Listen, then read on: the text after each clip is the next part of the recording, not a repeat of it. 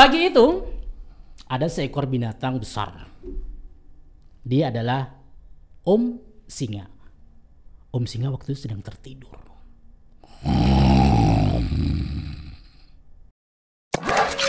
Ikuti obrolan kami di BDD Indonesia.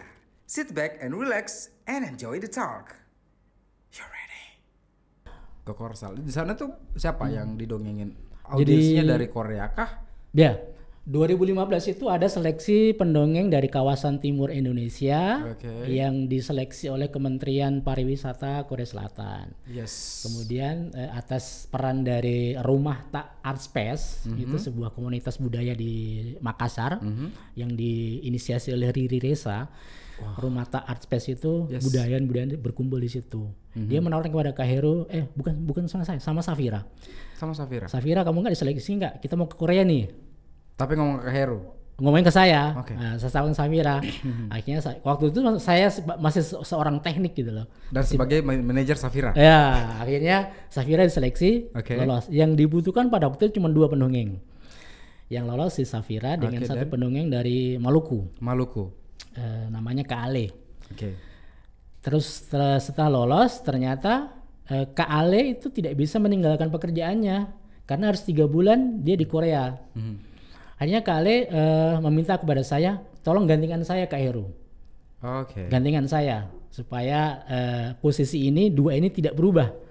Akhirnya saya mengajukan diri, kemudian diseleksi juga sama pihak Korea Selatan, akhirnya lolos. Jadi saya dan Safira yang berangkat ke Korea Selatan itu 2000 2015 pada waktu itu Safira kelas 1 kelas 2 SMA nggak salah. Kelas 2 SMA. Iya. Kita berdua harus berangkat ke sana. Yang keberatan adalah istri saya Karena jauh. karena jauh dan dia dia tidak ikut.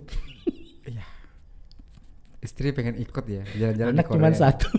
Pengen jalan-jalan ke Korea. ya. Bapaknya ikut, anaknya ikut. Masa mamanya nggak ikut? Yes, di rumah sendirian. Dia waktu itu jadi guru, dia guru SMP, SMP swasta. Oke. Dia minta izin sama yayasannya diizinkan, Untuk tetapi persoalannya adalah eh, kalau kita ke negara orang kan ada ada visa undangan. Ya, oke. Dia kendalanya di situ. Eh, untuk keperluan visa harus ada pengundang, surat Oke. pengundang. Pak itu posisi saya kan sudah jelas. Saya Yes. Mhm. storyteller, saya kira storyteller. Mamanya apa? kita bingung juga udah gitu. Visa nggak keluar kalau nggak ada surat pengundang. Yes. Pengundang mengundang harus ada apa jabatannya Yes, mamanya betul, Safira. betul. Harus jelas gitu Harus kan. jelas. Saya baca kontraknya dulu. Ternyata pada waktu itu Safira masih under 17, masih Under di bawah 17. mm, masih di bawah 17 tahun, tidak bisa tanda tangan kontrak. Oke. Harus ada manajer. Dan Manajer tidak bisa manajer- saya karena saya Karena artis sebagai- juga. yes. Iya artis juga. Yes. Akhirnya saya harus angkat manajer. Ya. Siapa dia? Ya mamanya. namanya. Finally ada Padahal jalan ada gitu kan. jalan gitu. Akhirnya kita bertiga itu bisa pergi ke Korea Selatan Wow. selama tiga bulan. Itu itu namanya apa ya? Pengalaman internet saya. Kita tiga bulan di pusat kota di Seoul. Tinggal Ini bisa dikatakan bahwa kesempatan one in a million gitu kan karena apa ya? Dapat kesempatan memba- membaca dongeng di sana sebagai storyteller di Betul. Korea Selatan plus Iya. jalan-jalan liburan dengan keluarga. Iya. Wow. Saya, saya juga heran kok, kok harus tiga bulan gitu loh. Padahal saya lihat eh, rundown acaranya eh, cuman empat hari. Itu berarti bulan madu harusnya. Nambah adik buat Safira ya kan? Hus. Kali aja adiknya bisa da- jadi pendongeng lagi. Kenapa? Ini anak-anak dengar loh. Kalau pendongeng emang ya di benaknya itu anak-anak terus di depannya. Iya, memang itu itu sudah Yes. saja sugesti saya. Apa yang kita bicarakan itu harus layak untuk anak gitu. Tapi pada saat itu di Korea Selatan eh, disaksikan oleh orang-orang Iya. Korea kah atau Jadi orang-orang di Indonesia? Korea itu ada sebuah eh, eh, gedung Mhm. namanya ACC gitu loh. ACC itu kepanjangannya? ASEAN Children Center. Oke. Di situ semua budaya-budaya dari negara-negara Asia ditempatkan di situ. Berkumpul di situ. Berkumpul di situ. Ada sebuah tempat itu. Jadi budaya dari Indonesia, dari Thailand, Hmm, dari Malaysia, dari Korea itu pusatnya di situ. Eh, lokasinya bukan di Seoul tapi di Gwangju. Itu sekitar eh, sekitar 300 kilo lah dari Seoul. Yes. Itu pusat acaranya di situ. Tapi kita latihannya di Seoul. Selama ya? dua setengah bulan kita berlatih di sebuah eh, institut kesenian di sana. Ada ada ada pengajar di sana. Hmm, Eh, tetapi bahasa yang kita pakai tetap bahasa Inggris. Mhm. Eh, anak di Korea juga pintar kan bahasa Inggris. Yes. Kecuali yang sudah tua-tua opa-opa itu nggak tahu bahasa Inggris. Opa-opa tuh opa. Opa Karena- sarang heo. Karena pada waktu itu kita pernah tersesat di Korea, Oke. kita tanya Tersesat? orang tersesat kita. Oke. Karena apa? Kita mengandalkan mengandalkan wifi di Korea. Itu pada saat tersesat tuh hari keberapa? Hari keberapa ya? Ke eh, hari ke 60 lah. Hari ke-60 berarti dua bulanan tiba-tiba tersesat. Iya, karena kita waktu kita eh, kita mau wisata kan. Yes. Ceritanya Senin sampai Kamis kita latihan, Mhm. latihan di sebuah tempat. Yes. Jumat karena kita Muslim kita diberi kesempatan untuk sholat Jumat di Oke, Korea. Oke. Hanya satu masjid di, di Seoul pada waktu itu. Jadi sen- eh, Jumat, Sabtu Minggu kita free. Jadi tiga hari itu kita bisa Three days in a row itu bisa jalan-jalan muter-muter dan akhirnya nyasar lah. kita bertanya pada orang Korea dan tidak tahu bahasa Inggris orang tua. Nah, memang untunglah ada mahasiswa juga. Can you please tell me how to get there? Tiba-tiba. Hah? Hah? Hah? Sarang heo. Anyo. Jadi memang tiga bulan itu penuh Oke. pengalaman pengalaman internasional kita. Kita berpikir kalau bukan dongeng Tidak mungkin tidak mungkin kita menjalankan. Kalau saya cuma menggunakan profesi sebagai orang teknik, ya nggak mungkin lah kita jalan-jalan secara gratis sana. Kemudian karena artis, ya kita dibayar gitu. Yes. Ya secara profesional mereka juga menghargai jerih payah kita, usaha kita. Eh, pulanglah kita ke Indonesia. Kita biasanya ada games kepada seluruh narasumber yang ada. Semua Silahkan. Hmm. tamu sigal yang hadir di studio BDD ada games tantangan, tapi kayaknya akan saya rubah. Saya pengen dong denger dongeng. Berapa menit? Paling cepat biasanya berapa menit? 5 menit. Boleh. Siap? Yes. Saya minum dulu. Boleh? Saya minta izin minum dulu ya sebelum Oke, dongeng ya. silakan.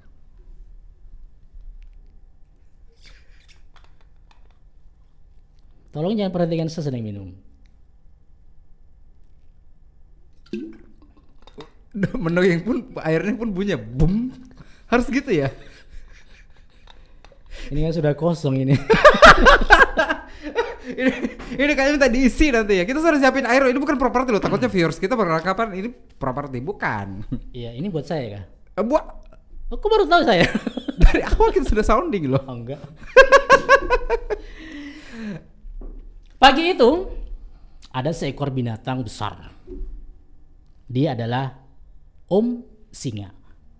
Om Singa waktu itu sedang tertidur. Tidurnya nyenyak. Tiba-tiba dia dibangunkan oleh suara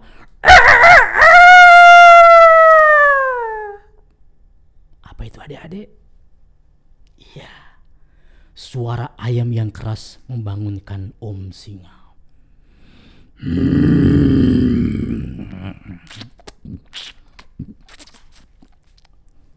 Singanya lapar. Perutnya bunyi plekutuk, plekutuk, plekutuk. Aku lapar. Om Singa segera berjalan menuju ke hutan mencari makan. Dia berjalan dengan tegap perkasa. Dem, tak tak dem, tak tak dem, tak tak dem, tak tak dem. Sampai di hutan, Om Singa segera melihat ke kanan, ke kiri, ke atas, ke bawah. Tapi hari itu Om Singanya tidak beruntung, tidak ada makanan. Om Singanya kemudian mengantuk dan dia tertidur lagi. Ketika Om Singa sedang tidur, tiba-tiba ada seekor binatang kecil, warnanya hitam. Bunyinya seperti ini. Cit, cit, cit, cit, cit, cit. Tikus. Dia bermain-main dekatnya Om Singa. Dia berlari ke kanan, ke kiri, ke kanan, ke kiri. Dan tanpa sengaja dia menabrak Om Singa yang sedang tertidur. Seketika Om Singanya terbangun.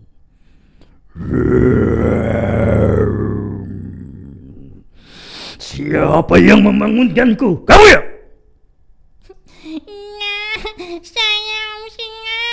Aku nggak sengaja menabrakmu. Maafkan aku ya Om Singa. Maafkan. Jangan makan aku Om Singa. Eh, tidak, aku sedang lapar. Aku akan memakanmu. Eh, jangan Om Singa, jangan. Tikusnya ketakutan adik-adik. Mau dimakan sama Om Singa. Dia minta maaf tadi ya. Kira-kira Om Singanya maafkan nggak ya? Ah, ternyata Om Singa sedang baik hati. Tikus, Iya, Om Singa. Eh, hari ini aku sedang baik hati. Kamu boleh pulang. Hei, aku boleh pulang. Iya, pulang cepat. Pulang sana. Tikusnya pun pulang. Tapi sebelum pulang, tikusnya bilang, Om Singa, aku bilang terima kasih ya. Suatu saat, aku akan menolongmu, Om Singa. Eh, mana bisa binatang kecil menolong aku.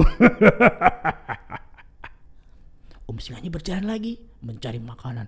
Ketika sedang berjalan, tiba-tiba ada sebuah tali yang terhubung ke sebuah jaring pemburu. Jaring itu tiba-tiba jatuh dan mengikat tubuhnya Om Singa.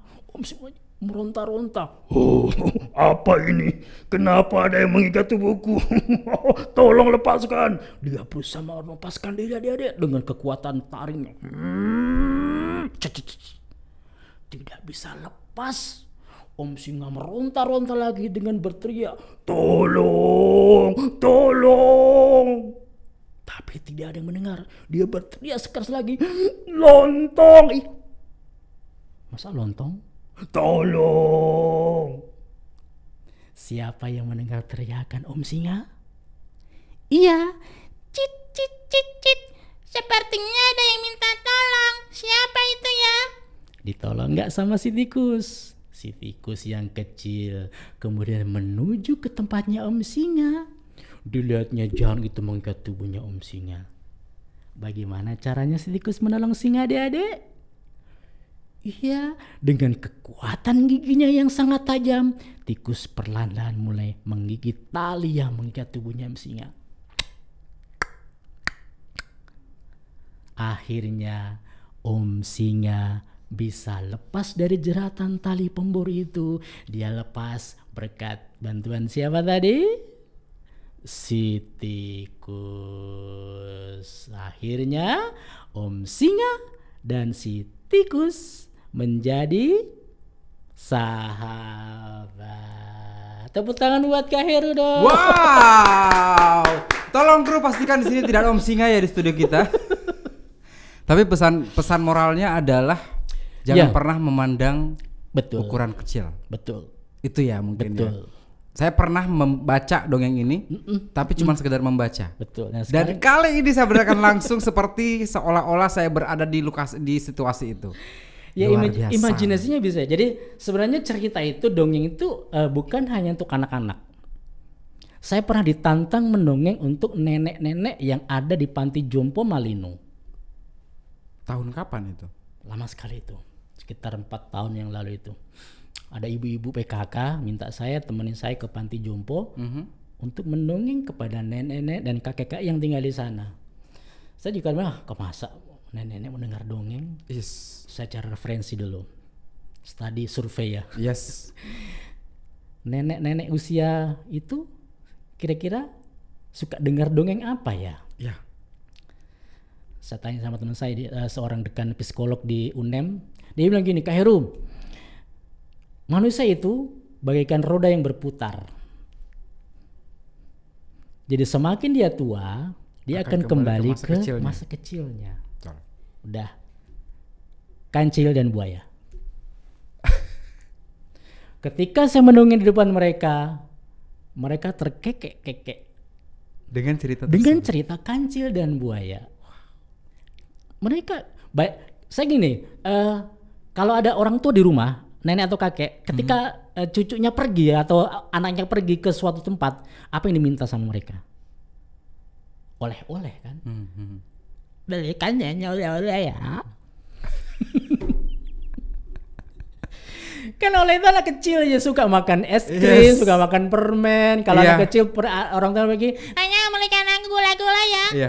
nenek juga kalau an- anaknya pergi atau ke mana pasti mintanya oleh-oleh.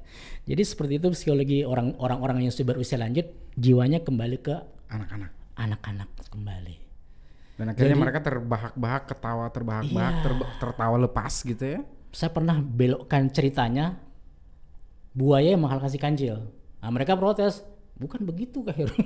Diprotes di depan mereka masih ingat gitu loh. masih mengingat cerita masih itu. mengingat cerita itu. Jadi prinsip saya gini, cerita itu semua orang akan suka mendengarkannya. Yes. Baik orang anak kecil, remaja, dewasa maupun orang tua.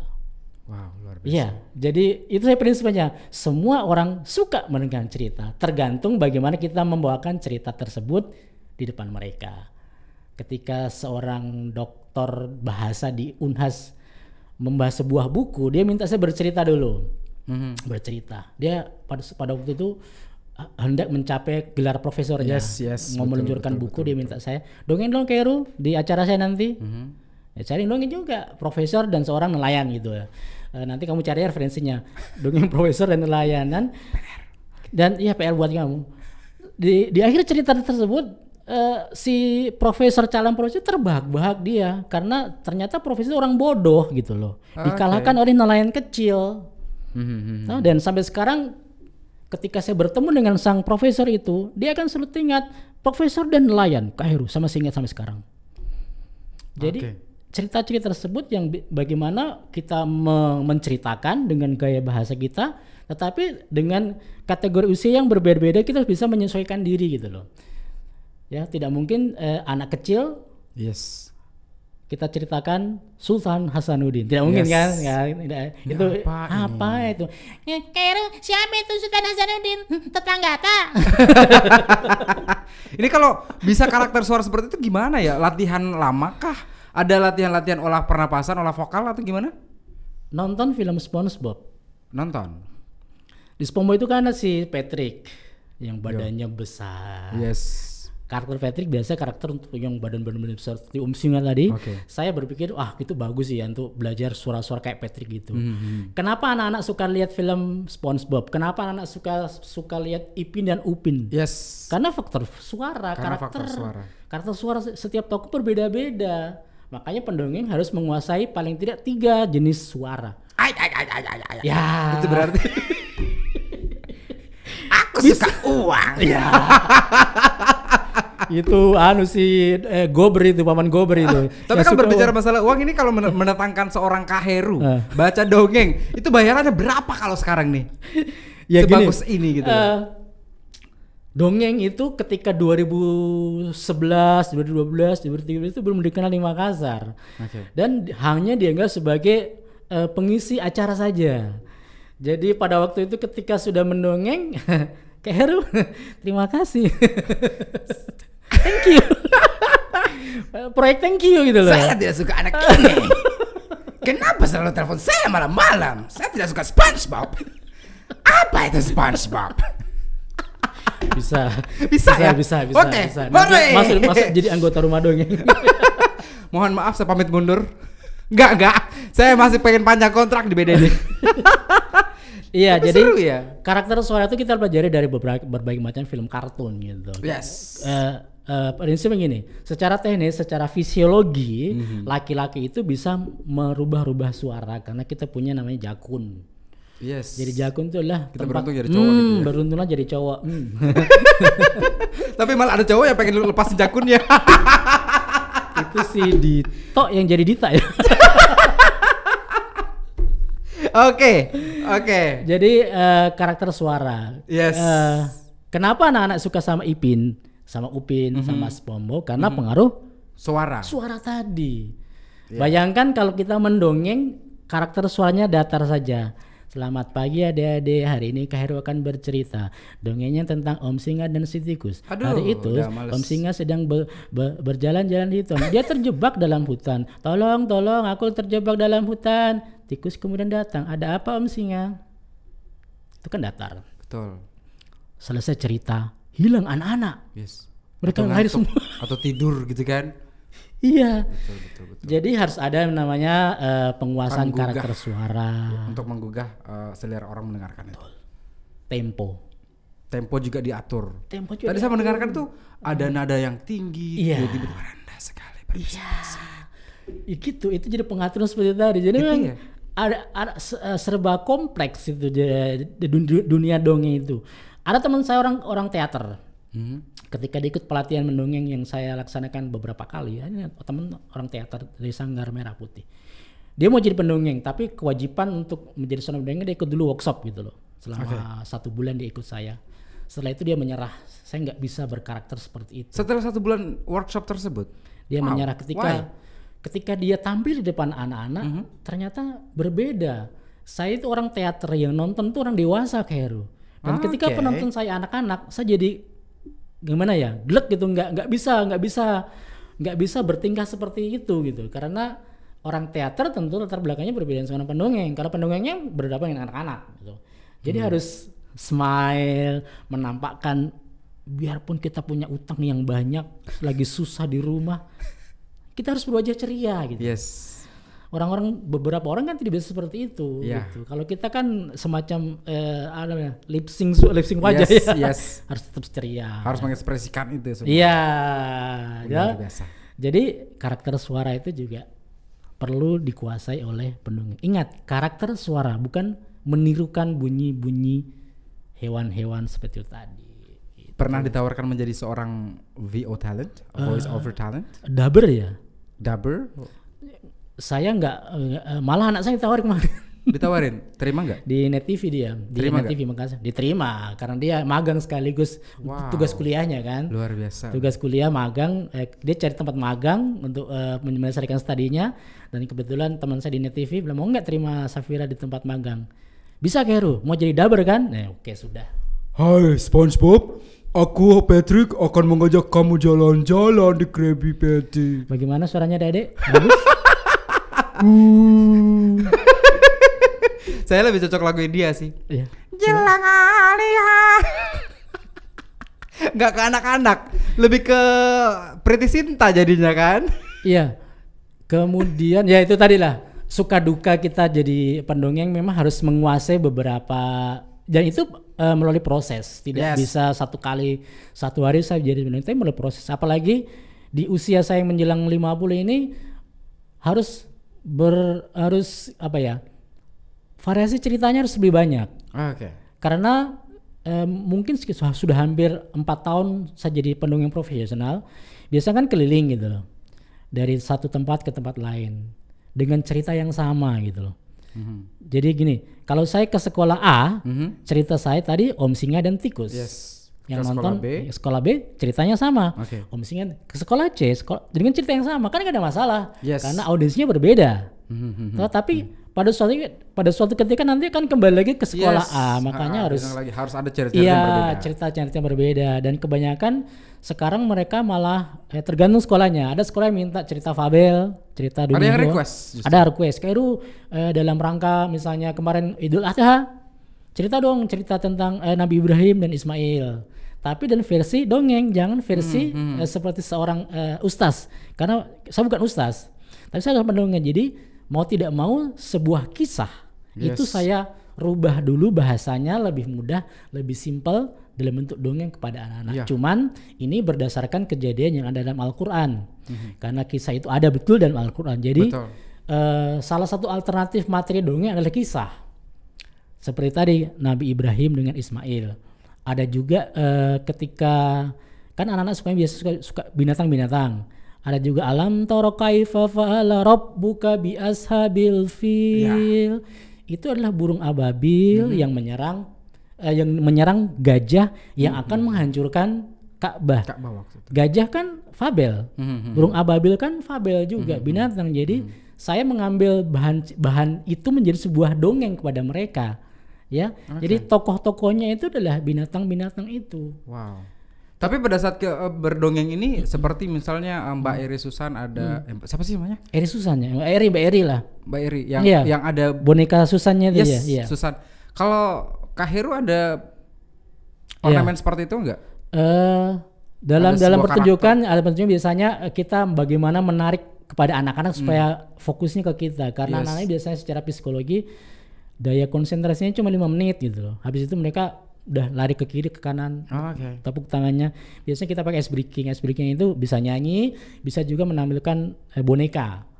Boneka itu itulah fan saya, ventriloquist gitu loh. Ventriloquist. Jadi salah satu kemampuan yang boleh harus dimiliki oleh pendongeng adalah menguasai teknik ventriloquist gitu. It's a technique. Ya, teknik itu salah satu teknik dari barat sana. Oke. Orang bule itu yang bicara ventriloquist. eh kamu ke orang Belanda? Oke, oke, baik. Ini kalau kita panjang lagi, eh, perpanjang lagi ceritanya Hmm. bisa panjang. Tapi satu pertanyaan saya belum dijawab deh kayaknya. Apa tuh? Bayarannya berapa? Secara profesional nih ya.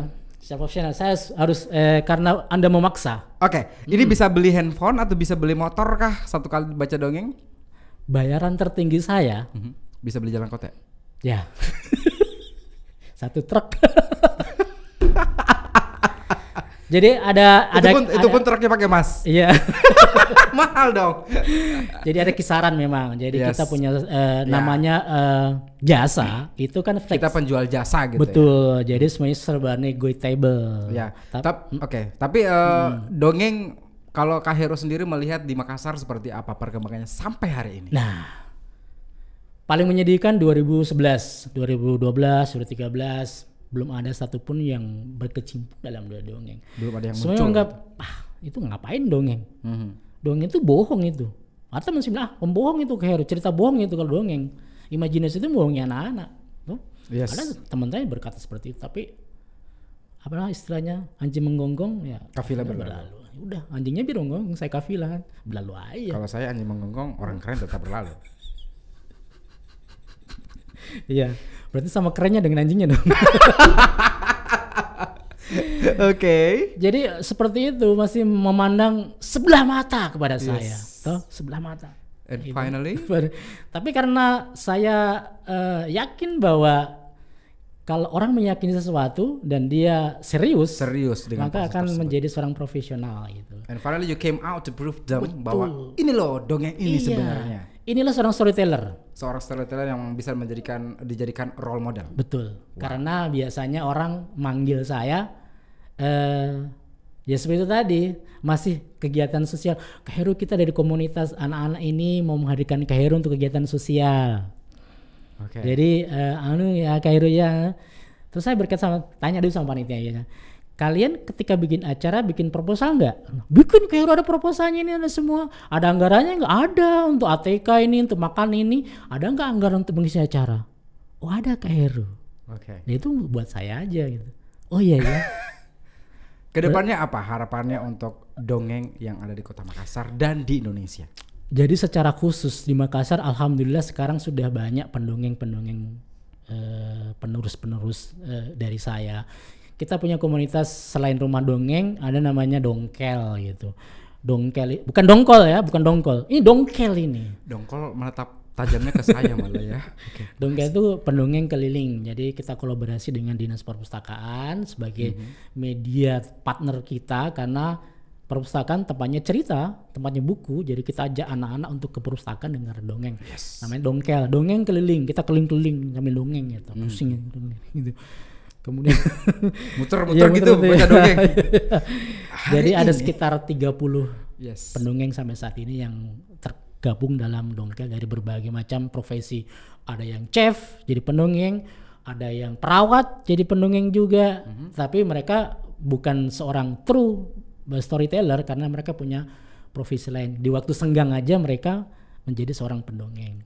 Tetapi untuk yang eh, tour untuk mendongeng itu baru mungkin baru kami ya saya Safira dan juga teman-teman dari komunitas rumah dongeng itu ada namanya eh, Rian itu dibanyak seorang Ku aku ikut sengok. Bukan ya? Beda. beda. dia itu Rian anu tuh Rian. masih- Oke. dia dia dia itu seorang eh, stand up comedy Oh, stand up dari comedy. Goa sana Dan terjun ke dongeng. dongeng karena dia punya ventriloquist Oh, Oke. jadi Kalau seorang podcaster sudah ada. podcast itu kita bikin secara Maksud saya sudah ada podcaster yang membacakan dongeng juga di rumah dongeng? ada Belum Ya, ada ada sudah ada Sudah ada. Ya, ya saya si Safira mendaftar. tadi Eh, mau melamar ya Iya Iya, sih. nanti kita Put- terima Put myself on it. tapi Safira bikinnya dalam bahasa Inggris jadi ke depannya kita ingin dongeng itu hadir dalam berbagai macam bahasa Saya bisa nanti masukkan bahasa Prancis mungkin? oh hui hui hui hui Oui. hui silakan Je silakan. m'appelle Je m'appelle Zigal. Je fais un bicara. saya saya ingin Mr Bean lihat itu Oke baik. Luar biasa perbincangan kita pada hari ini. Iya. Inspirasi yang begitu luar biasa. Betul. Tidak gampang muncul di tengah-tengah Iya. hiruk pikuk kota Makassar Betul. bahkan Indonesia yang bisa dikatakan bahwa hampir punah dongeng gitu betul dan semoga ke depannya dongeng makin berkembang Ya itu tadi. membawa nama harum Indonesia. Sebenarnya harapan saya buat buat dongeng itu ya sudah disebutkan tadi, jadi nggak usah saya sebutkan lagi. Oke, ini ini beneran narasumber yang betul-betul panjang otaknya ya, lebar. Kita tanya malah tanya balik, saya yang jawab. Iya. Beda Indonesia, Zigil Ezra di Pamit Mundur dan juga narasumber yang luar biasa, Kakak Heru. Saya pengen dong Kakak Heru tutup tapi dengan tapi dengan eh, karakter satu karakter di dongeng tersebut. Eh, karakter anak kecil tadi si tikus itu boleh dong? Boleh. Ya. Coba sampaikan ke viewers Beda Indonesia. Iya. Halo anak-anak, aku juga anak-anak. Terima kasih ya sudah mendengarkan podcast kami. Eh, jangan lupa loh, kamu ikuti kegiatan-kegiatan dari BDD Media Komunika ya. Awas kalau nggak ikut, nanti aku bisa marah ya. Oke, oke semuanya ya, ikut ya, lihat ya. Ha. Luar biasa! saya saya sekali hampir. Bye bye.